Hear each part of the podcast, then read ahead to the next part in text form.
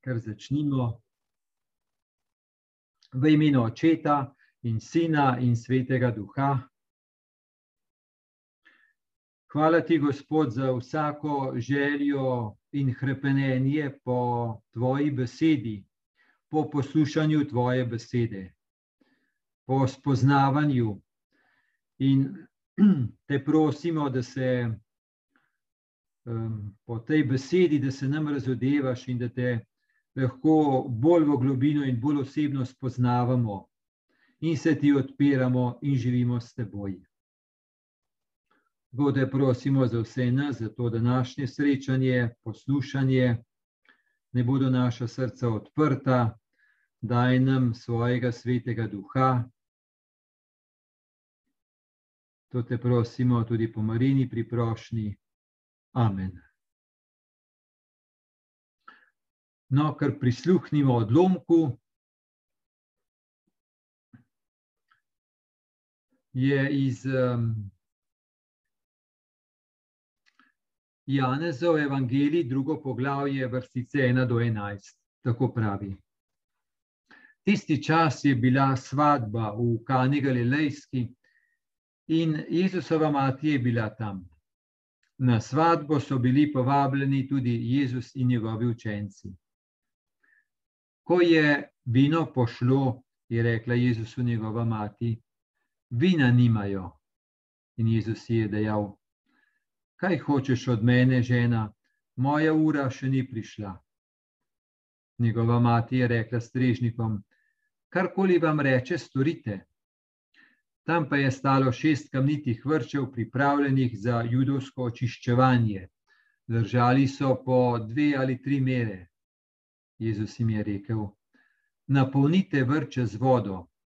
In napolnili so jih do vrha. Na to jim je rekel: Zajemite zdaj in nesite starešini. In nesli so mu. Ko je starešina poskusil vodo, ki je postala vino, in ni vedel, odkot je, strežniki, ki so zajeli vodo, pa so vedeli, je poklical ženina in mu rekel: Vsakdo postreže najprej z dobrim vinom, in ko se ljudje napijejo, slabšim, ti pa si dobro vino prihranil do zdaj. Tako je Jezus v Galilejski kani naredil prvo od znamen in razodel svoje veličastvo, in njegovi učenci so verovali vanj.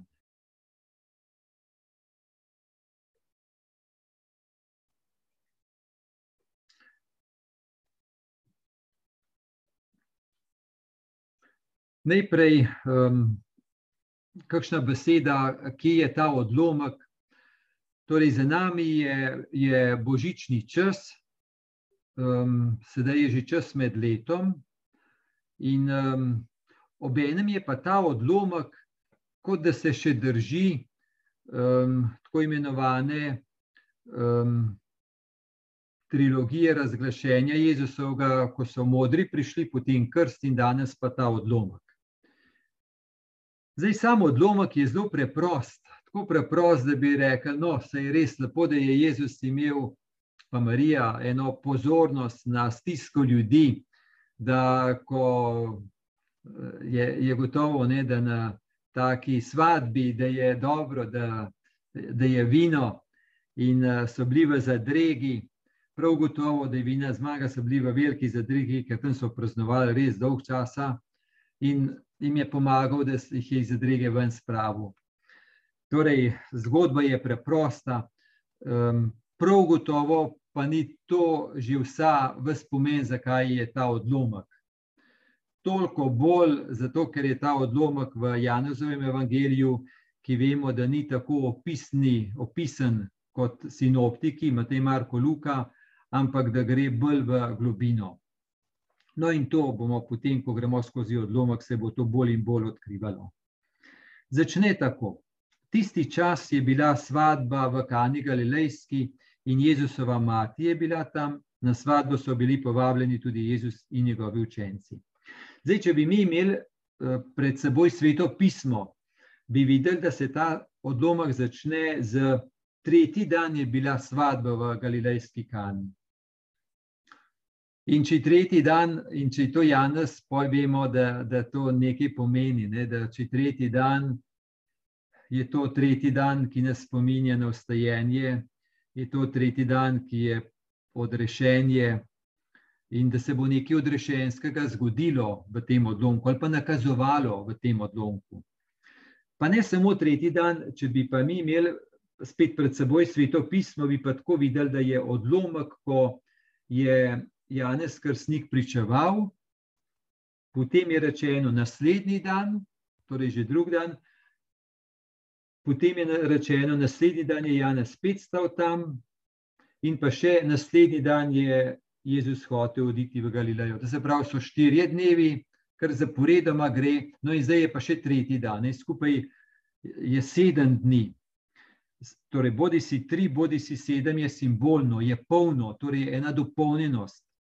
Torej, že ta uvod govori, pa kam je to postavljeno. Janez govori, da se bo skozi ta odlomek nekaj zelo temeljnega in celostnega se bo um, nakazovalo.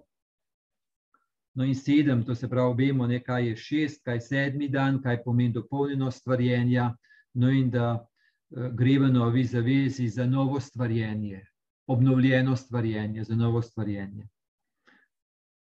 Zdaj, svadba ima v svetem pismu en velik pomen.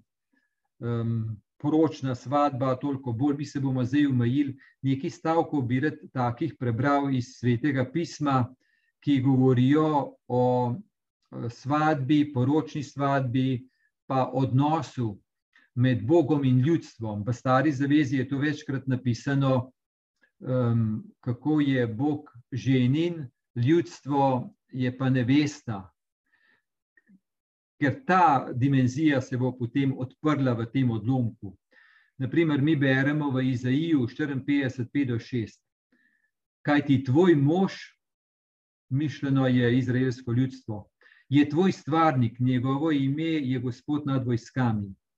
Da, kakor ženo, ki je zapuščena in v duši žalostna, te je gospod poklical, kakor ženo iz mladosti, ki je zavržena, govori tvoj Bog. Izaija 62:5. Kaj ti, kakor se mladenič poroči z devico, tako se bo tvoj graditelj poročil s teboj. Kakor se ženin veseli neveste, tako se tebe veseli tvoj Bog. Potem Ozej 1:4. Pravdajte se svojo materjo, pravdajte se, kaj ti ona ni moja žena in ne jaz njen mož naj odstrani vlačugarska znamenja svojega obraza, prešušne znake svojih prsi. Torej, govori o nezvestobi ljudstva, in uh, potem Bog ve, da bo edino tako lahko pomaga, uh, da se ji bo on približal. Tako beremo v Ozeju naprej. Zato, gledajo, privabim, popeljem jo v puščavo in jih spregovorim na srce. Tisti dan, govori Gospod, me bo imenovala moj mož, ne bo me več imenovala moj bal. S teboj se zaročim na veke, s teboj se zaročim v pravičnosti in v pravici, v dobroti in v usmiljenju.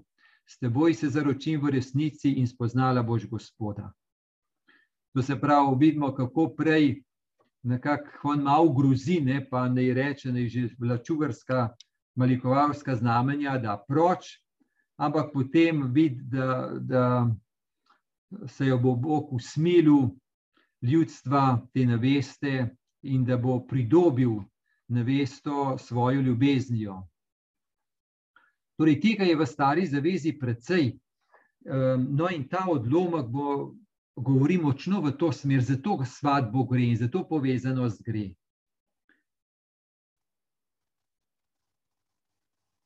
Torej, ker je v stari zavezi ljudstvo je nezvesto, nemočno pred močjo greha, je Bog tisti, ki znova in znova obišče ljudstvo, se skloni k ljudstvu. No, in najmočneje bo to storil v Kristusu. Torej, Bog, ki se učloveči, Bog, ki postane človek, da potem bo tako trdna vest, da jo nič ne more več uničiti. Ker dokler je bilo samo tako, Bog nekje, pa človeštvo nekje drugje, je zaradi človeške nezvestobe, je to tako bolj slabo, je to funkcioniralo. No, šele z učlovečenjem, pa je potem tako trdna vest v Kristusu, da jo prav nič ne more uničiti.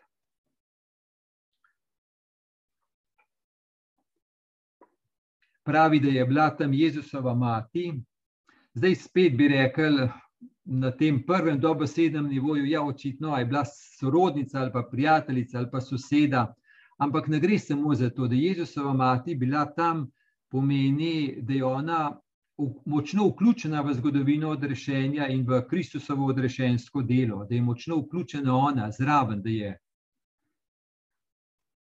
da je njeno mesto.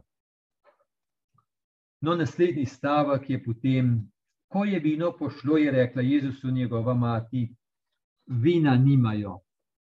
Torej, prej je vino bilo, potem pa očitno so ga spili, pa ga ni bilo več. Zdaj posebej to ni bila skrb Marije. Marija je bila tam, to je skrb žena oziroma starešine. Um, no, ampak je ona to opazila. Ena, to je ena taka drža, ki govori o Marini drži ene velike pozornosti, da opazi, opazi, da nekaj manjka, opazi stisko, opazi, lahko tudi nam pomaga, ko gledamo Marijo v tem, nam pomaga lahko tudi taka dosta eksistencialna izkušnja, kako je, kako ženski čut marsikaj eh, opazi, kar moški čut ne opazi. Jaz se spomnim enkrat, ko smo šli na, um, ko sem bil študentski duhovnik, pa smo vsaj kdaj na leto ali pa dvakrat šli uh, taka skupina na, na, na kakšno rajžo, naprimer za en teden. No, in je bilo tako, tako biti en teden intenzivno skupaj, se je marsikaj dogajalo, lepega, pa tudi kaj bolj tako. No, in se spomnim, enkrat je bilo. Pač to je tako, ne, po štirih, petih dneh, vsak bi nekaj po svoje hotel, en bi to gledal, drugi to gledal, en bi se vozil, en bi stal, en bi šel zgodaj spat, en pozno in to in to in to. No, in se spomnim na en določen točk, smo si med seboj rekli, zdaj pa klima med nami tako, kako se reče, tako uh, napeta, da je sam iskrica in bo počel, ne bo eksplodiral. Smo se tako tam pogovarjali in en fant pravi, kaj se pogovarjate, a jih kakšen problem, ki je? Jaz pa nič načutam. Tako, nismo vedeli, da bi se smajali ali ne, ampak res nič ni doživljal. No, vse konc koncev, včasih tako je res slišati, Eh, kako naprimer v zakonu, ne, da žena reče, da ja, nič, nič, nič ni nekaj manjka, nekaj manjka. Pa mož pravi, kaj manjka? Denar imamo, hišo imamo, kaj manjka?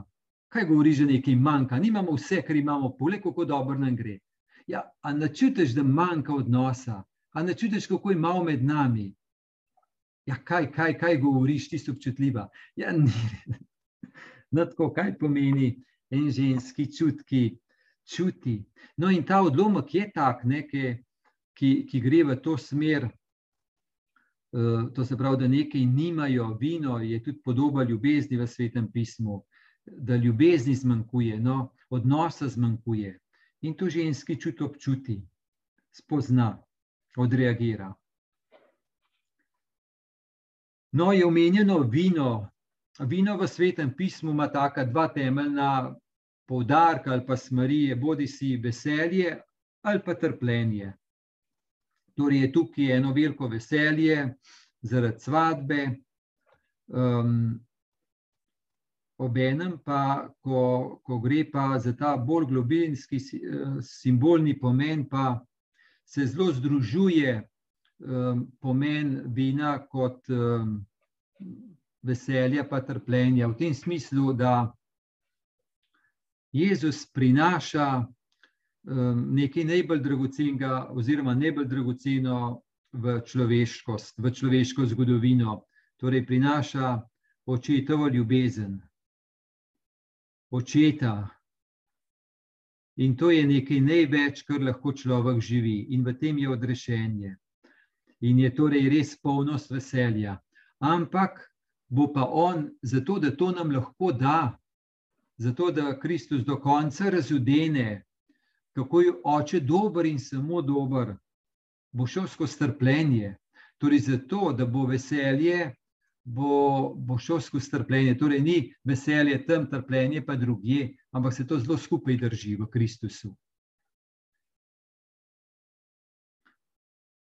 Tudi v tem simbolnem smislu, da um, torej Jezusova kri, ki je v Euharistiji iz vina, torej Jezusova kri govori o trpljenju, obenem pa govori o veliki božji ljubezni in ta božja ljubezen je um, prav ena polnost, um, ena polnost veselja, božjega veselja, ki ga Jezus prinaša. Torej, Marija je rekla, vina nimajo, torej v stiski so nečesa je zmanjkalo. Um, in torej, rekli, simbolno pomeni manjka nečesa bistvenega, manjka ljubezni, manjka odnosov nimajo, Jezus naredi kaj. No, in Jezus je dejal, kaj hočeš od mene, žena, moja ura še ni prišla. Zdaj nas lahko malo preseneti, da Jezus tako odreagira. Um, kaj hočeš od mene, žena, moja ura še ni prišla. Žena, ta izraz, tako če v slovenščini zveni malo tako trdo, skoraj malo hladno. Um, ampak v, v, v Janezovem evangeliju je bolj tako polno, pa lepo. Torej, reče mami to, tudi ko bo on na križu, bo ji rekel žena. Ko je Jezus videl svojo mater in zraven stoječega učenca, katerega je ljubil, je rekel materi: Žena, glej tvoj sin. Torej, ni tako trda beseda, kot morda na prvi, prvi občutek zveni. No, potem on pravi: Moja ura še ni prišla. Zdaj, Janezov evangelij večkrat govori o moji uri, da Jezus to reče.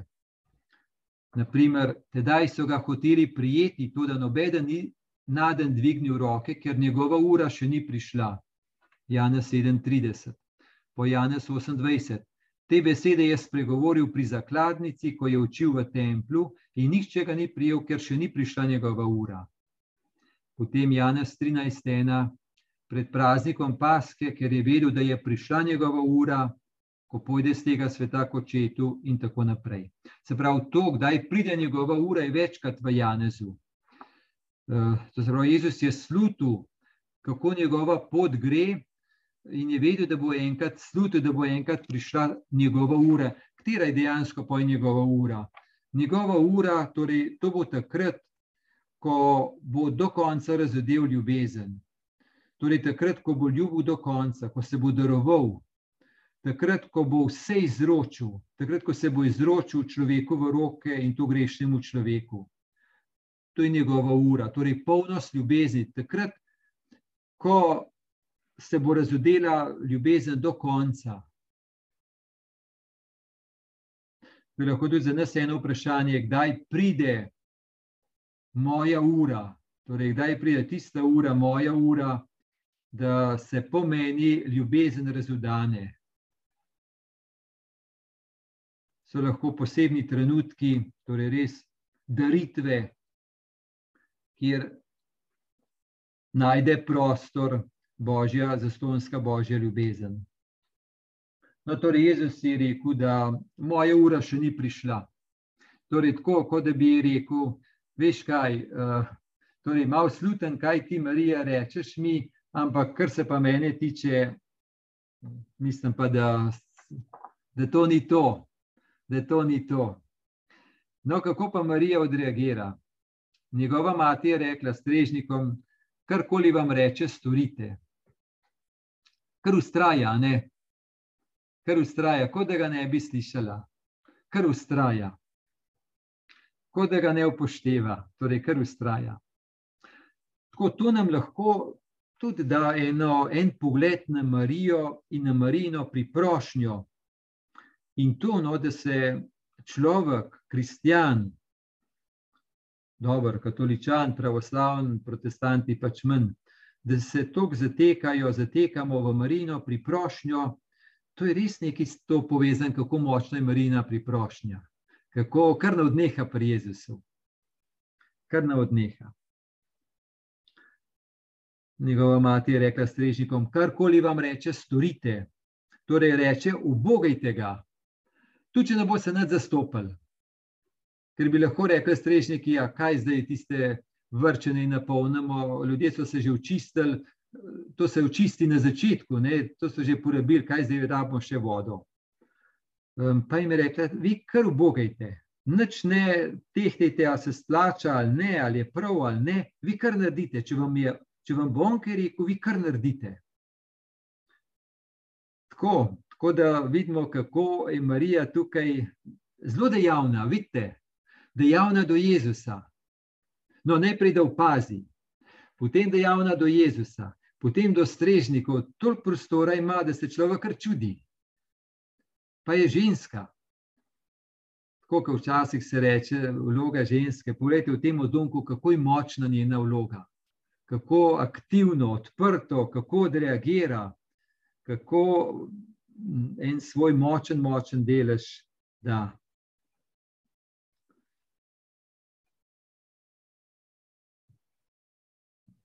Torej, Marino posredovanje je torej tudi tako simbolno, ne samo zato, da bi razrešila tisto stisko ljudi. Eh, Benedikt XVI je enkrat rekel ob tem odlomku, to Marino posredovanje je omogočilo dobro vino, ki je naznanilo nove zaveze med Božjo vsemogočnostjo ter med sicer ubogim, a razpoložljivim človeškim srcem. To je to, ne, kot sem rekel, da Marija ni zdaj sam zraven, tako, ampak je zraven pri zgodovini odrešenja, je močno vključena. Janezov evangelij nima tistih, rekel, tistih dogodkov, kako je Jezus bil majhen, pa rojen, pa nima o tako imenovanem Jezusovem otroštvu, kot imajo kakšni drugi. Janez gre bolj na simbolni nivo in tukaj postavi eno močno mesto Marije. Frančišek, papež Frančišek o tem reče, Na tej svadbi je bila resnično sklenjena nova zaveza in gospodovim služabnikom, to je vsej cerkvi, je zaupano novo poslanstvo, karkoli vam reče, storite. Služiti gospodu pomeni prisluhniti mu. Torej, vsekakor Kristus nam prinaša odrešenje, ampak da, pa, da, pa, da dobi to odrešenje in prostor in da ga sprejmemo, je pa naše sodelovanje kar pomembno. Naprej pravi, tam je stalo šest kamnitih vrčev, pripravljenih za judovsko očiščevanje, držali so po dve ali tri mere. Vrčev za očiščevanje, kaj nam pa to spet govori? Torej, vrči za očiščevanje, noter so imeli vodo, ko so gosti prišli na, na, na tako svadbo, da so se prej umili.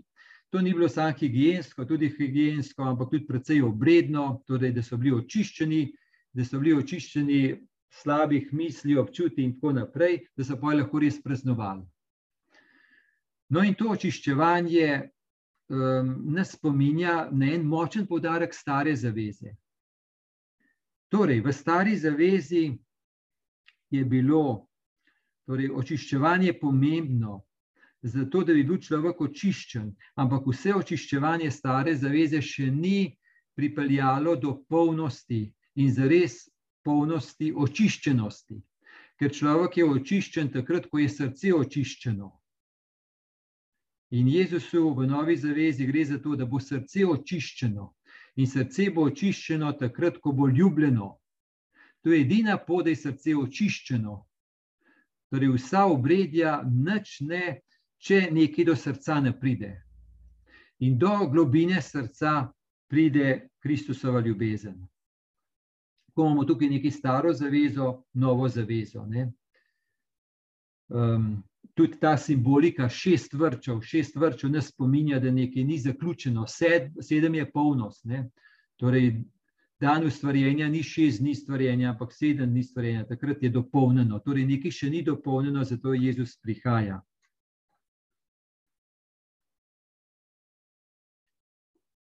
To simbolnost, papež Frančišek pravi, v tem smislu, da, mm, da je Jezus tukaj napravil zelo zgovorno znamenje, tako je spremenil Mojzesovo postavo v evangeliji, ki prinaša veselje. V Janezu beremo, postava je bila namreč dana po Mojzesu, milost in resnica pa je prišla po Jezusu Kristusu. Tukaj ne, to se pravi večkrat je stara zaveza in nova zaveza. Torej, nekaj, kar stara zaveza ni zmogla, vse to očiščevanje ni prineslo odrešenja, zdaj Kristus prihaja.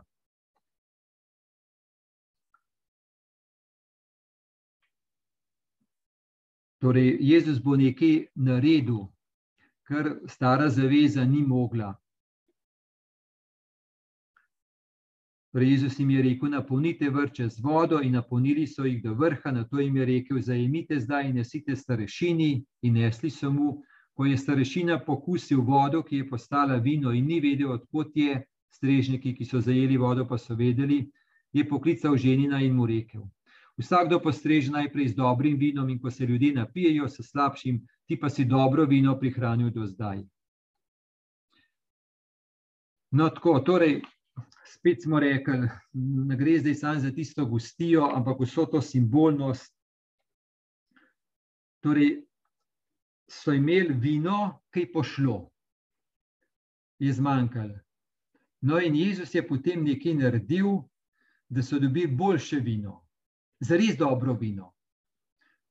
Pomeni, torej, da to, kar je, um, da lahko v tem smislu rečemo, da uh, torej dobro vino, katero je dobro vino, najprej to dobro vino, okusno vino, je najbolj temeljno. Je povezanost med Bogom in človekom. To je najboljši okus, zaradi tega, ker je okus ljubezni, pripadnosti očetu. In če je pripadnost očetu, je poj tudi med nami, ki smo njegovi otroci. Torej, dobro vino, Benedikt XVI pravi, tako vemo, da je to dobro vino znamenje zaveze, svadbe, nove zaveze, ki jo je Jezus prišel skleniti s človeštvom. Torej, to je zares dober okus, povezano z Bogom, ljubljenost od Boga in to ta ljubljenost od Boga v Kristusu. Torej, kar se naznanja na tem odlomku, v tem odlomku, da Jezus prinaša dobro vino, torej, kar Jezus tukaj nekako se nakazuje, bo potem tekom življenja se bo pokazal, največ pa na koncu, dobro vino, katero bo, dobro vino bo njegova kri razlita iz ljubezni za nas.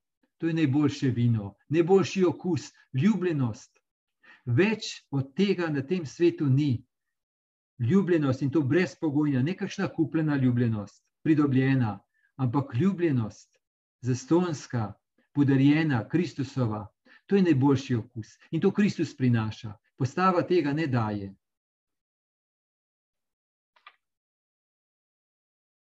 Torej, ta okus, um, to je nekaj največjega, oziroma to je odrešenski okus, to je dobro vino. Um, torej, smo rekli, svadba, na svadbo so bili, so bili poklicani, je bilo eno vino dano, ampak je pošlo in Jezus pride in da res en dokončno dober, dober okus. To, kar edino Jezus lahko naredi. Zdaj pa to, ta dinamika, ki se uh, je zgodila na tej svadbi, se je itak v vsakem zakonu zgodi, pa tudi v vsakem človeškem življenju. Ampak, da je zdaj vzeti zakone, prekljub temu, da vidim, da se tudi redovnice tukaj, ampak da je zdaj uh, zakon vzeti ali pa kakšne samske, da je zdaj zakon vzeti. Kaj pomeni, naprimer, na začetku je vino, pa ga zmanjka. Torej, zdaj bom zelo poenostavljeno rekel. Ampak jaz se spomnim v župniji, kjer sem odraščal. Sem slišal, da je župnika, ki je rekel, ko so je bila poroka, je rekel na poročni maši, je rekel, jaz, vam, jaz vama ne želim, da bi se imela v življenju tako rada, kot se imata zdaj. Prav, to ni to. Jaz vama želim, da bi se tekom življenja vidva imela zres bolj in bolj in bolj globinsko in celostno rada. Kaj hoče reči? Je rekel, zdaj sta zaljubljena, ne? zdaj sta zaljubljena. Takrat so se še mladi poročali, pa zaljubljeni, zdaj malo drugače. Zdaj je tako, ne, ampak to iz zaljubljenosti, iz, tako iz čustveno-telesne privlačnosti, iz kemije ven, seveda je to nekaj in traja, ampak drugo pa je, ali, ali, ali to zdrži vse čas? To je vprašanje. Torej, a je to, kar je iz narave ven, iz psihe, iz telesa, je to dovolj, da dva živita skupaj? Živite skupaj ne tako, da sta skupaj tako, ampak da sta skupaj v darovanski ljubezni, v Kristusovi ljubezni. To je, ne? Torej, iz same kamije ven, prav gotovo je veliko moči, ampak itak zmanjka. No, ampak je Kristus, ki prinaša ljubezen, zastonsko ljubezen, očetovo ljubezen, božjo ljubezen. Torej, nekaj, kar ni iz naše psihe, pa telesa ven, ampak je namenjeno pa naši psihi, pa telesu, da bi v našem telesu, v naših zakonih, v naših življenjih živeli ta dober okus, Kristusov okus, okus božje ljubezni, da bi bolj in bolj zoreli v darovanski ljubezni. Torej, da bi bolj in bolj odmirali sebe, strahu zase, egoizmu in da bi bolj in bolj lahko želeli res dobro drugam, druga dajali na prvo mesto, to je Kristus.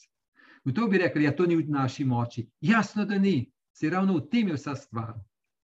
Kaj pomeni rast v darovanski ljubezni, v očetovi ljubezni, ta, ki, bo, ki poj gre eh, torej na drugo stran, se ne ostane sam na tem svetu. Na tem svetu ostane kamija, nekaj, ki gre pa onkraj večnostnega, no, to je pa nekaj drugega. Torej, v vsakem primeru se nekaj tega dogodi, naprimer v življenju para, če tako, če, kar sem zdaj govoril. Ne. Torej, vse, kar človek nekako po naravi ima, je krhko in zmanjka. Pripravljenosti, dobre volje, navdušenja, zmanjka, ni kaj, tako je. In zdaj, če, če, ne bi, torej, če ne bi Kristusa bilo prisotnega v zakonu, pa bi bilo treba enega drugega, tretjega iskati eno, eno, enega drugega. Včasih v Italiji se spomnim, enkrat sem poslušal, so, so rekli, za uspešen zakon so ponavadno, so ponavad potrebni eni trije. Torej, ne, niso Boga omenjali, ne, ampak tako en trije, še en, en zunani, moški pa ženska, pa pa nekako se tudi da preživeti. Tako na enem predavanju je bilo tako rečeno. Torej, kaj bi pomenili na tej horizontali iskati nekako pa reševati eh, s kakšnimi bližnjicami. Kaj pa pomeni, um, torej, da v Kristusovi moči, da je Kristus prisoten na svadbi, da je Kristus prisoten uh, v, v življenju med dvema, v zakonu, da On daje ljubezen, ki ima moč zvestobe, ki je darovanska, ki gre do konca, ki ne zbeži, kot Kristus ni zbežal. Torej, za katero ljubezen gre? Lahko tako rečemo. No? Torej, da je to za ljubezen moškega, ki ne zbeži, ko, ko pride križ. Torej, če tudi tvega, da, da, da ga bo konc zaradi trpljenja. Torej, ljubezen moškega, ki ne zbeži, ko pride trpljenje in križ, čeprav ima občutek, da bo vsega konc. Pa ljubezen ženske, ki upa tvegati, pa reči tudi, kdaj ne, pa čeprav se še tako boji, da bo sama ostala. Torej, ljubezen, da gre do konca pri moškem na en način, pri ženski na drug način, ampak tako, ki ne odneha. To je Kristusova moč in iz naslovenosti van in nan, ne iz naše kamije, ne iz naše volje. To, to ni to. Torej, res ljubezen, ki se zanese na ljubezen. Um, no, in to, kaj pomeni, da je v zakonu, da je prisoten tretji, da je Kristus prisoten, Jezus prisoten, da, da se ga pokliče in uh, da, da res, ko kaj zmanjka v zakonu, da v resnici ob Jezusovi prisotnosti pomeni je molitev, je zakrament, je odpiranje srca, je občestvenost. Torej, skozi vse to lahko pride bolj in bolj poven okus, res odrešenosti, zaupanja, um, zorenja v darovanski ljubezni, ki je Kristusova ljubezen.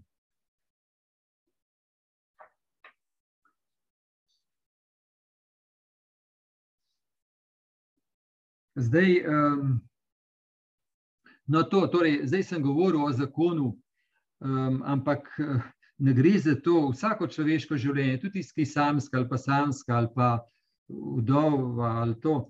Torej, v vsakem primeru v življenju gre za ljubezen in za zorenje v, ljubezen, v ljubezni in za občestvene odnose, v vsakem primeru.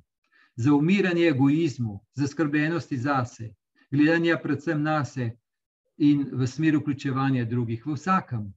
Torej, ne zdaj, da bi rekli, da ja, se to poj velja za poročanje za ostale, ne, ne za vsakogar to velja.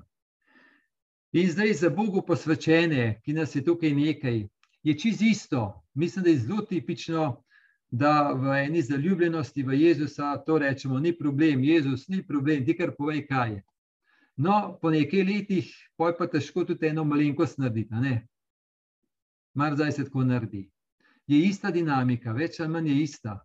Iz kamije ven, iz te, iz dobre volje, iz, iz to, to je premalo, to zmanjka, to se posuši.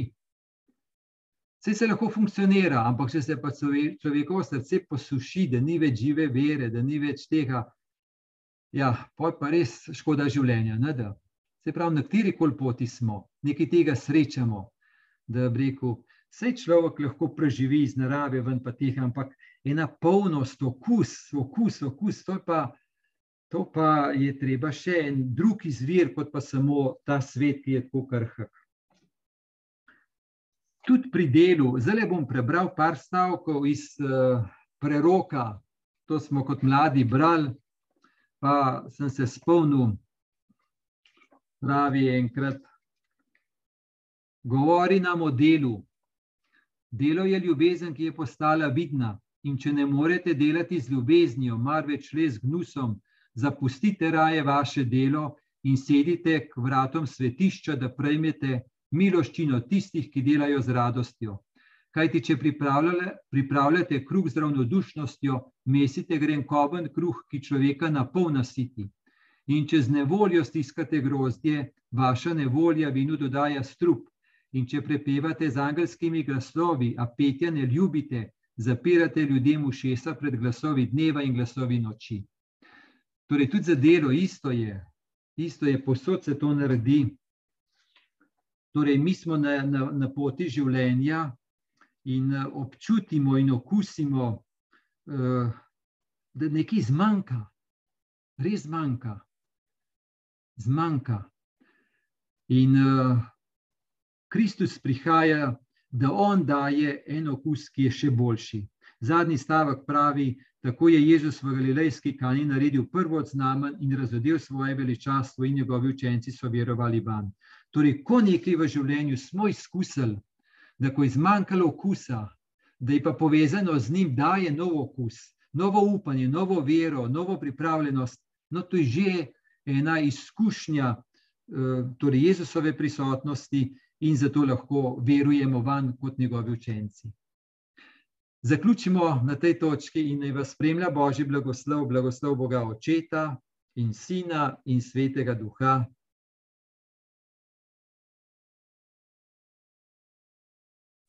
z Bogom.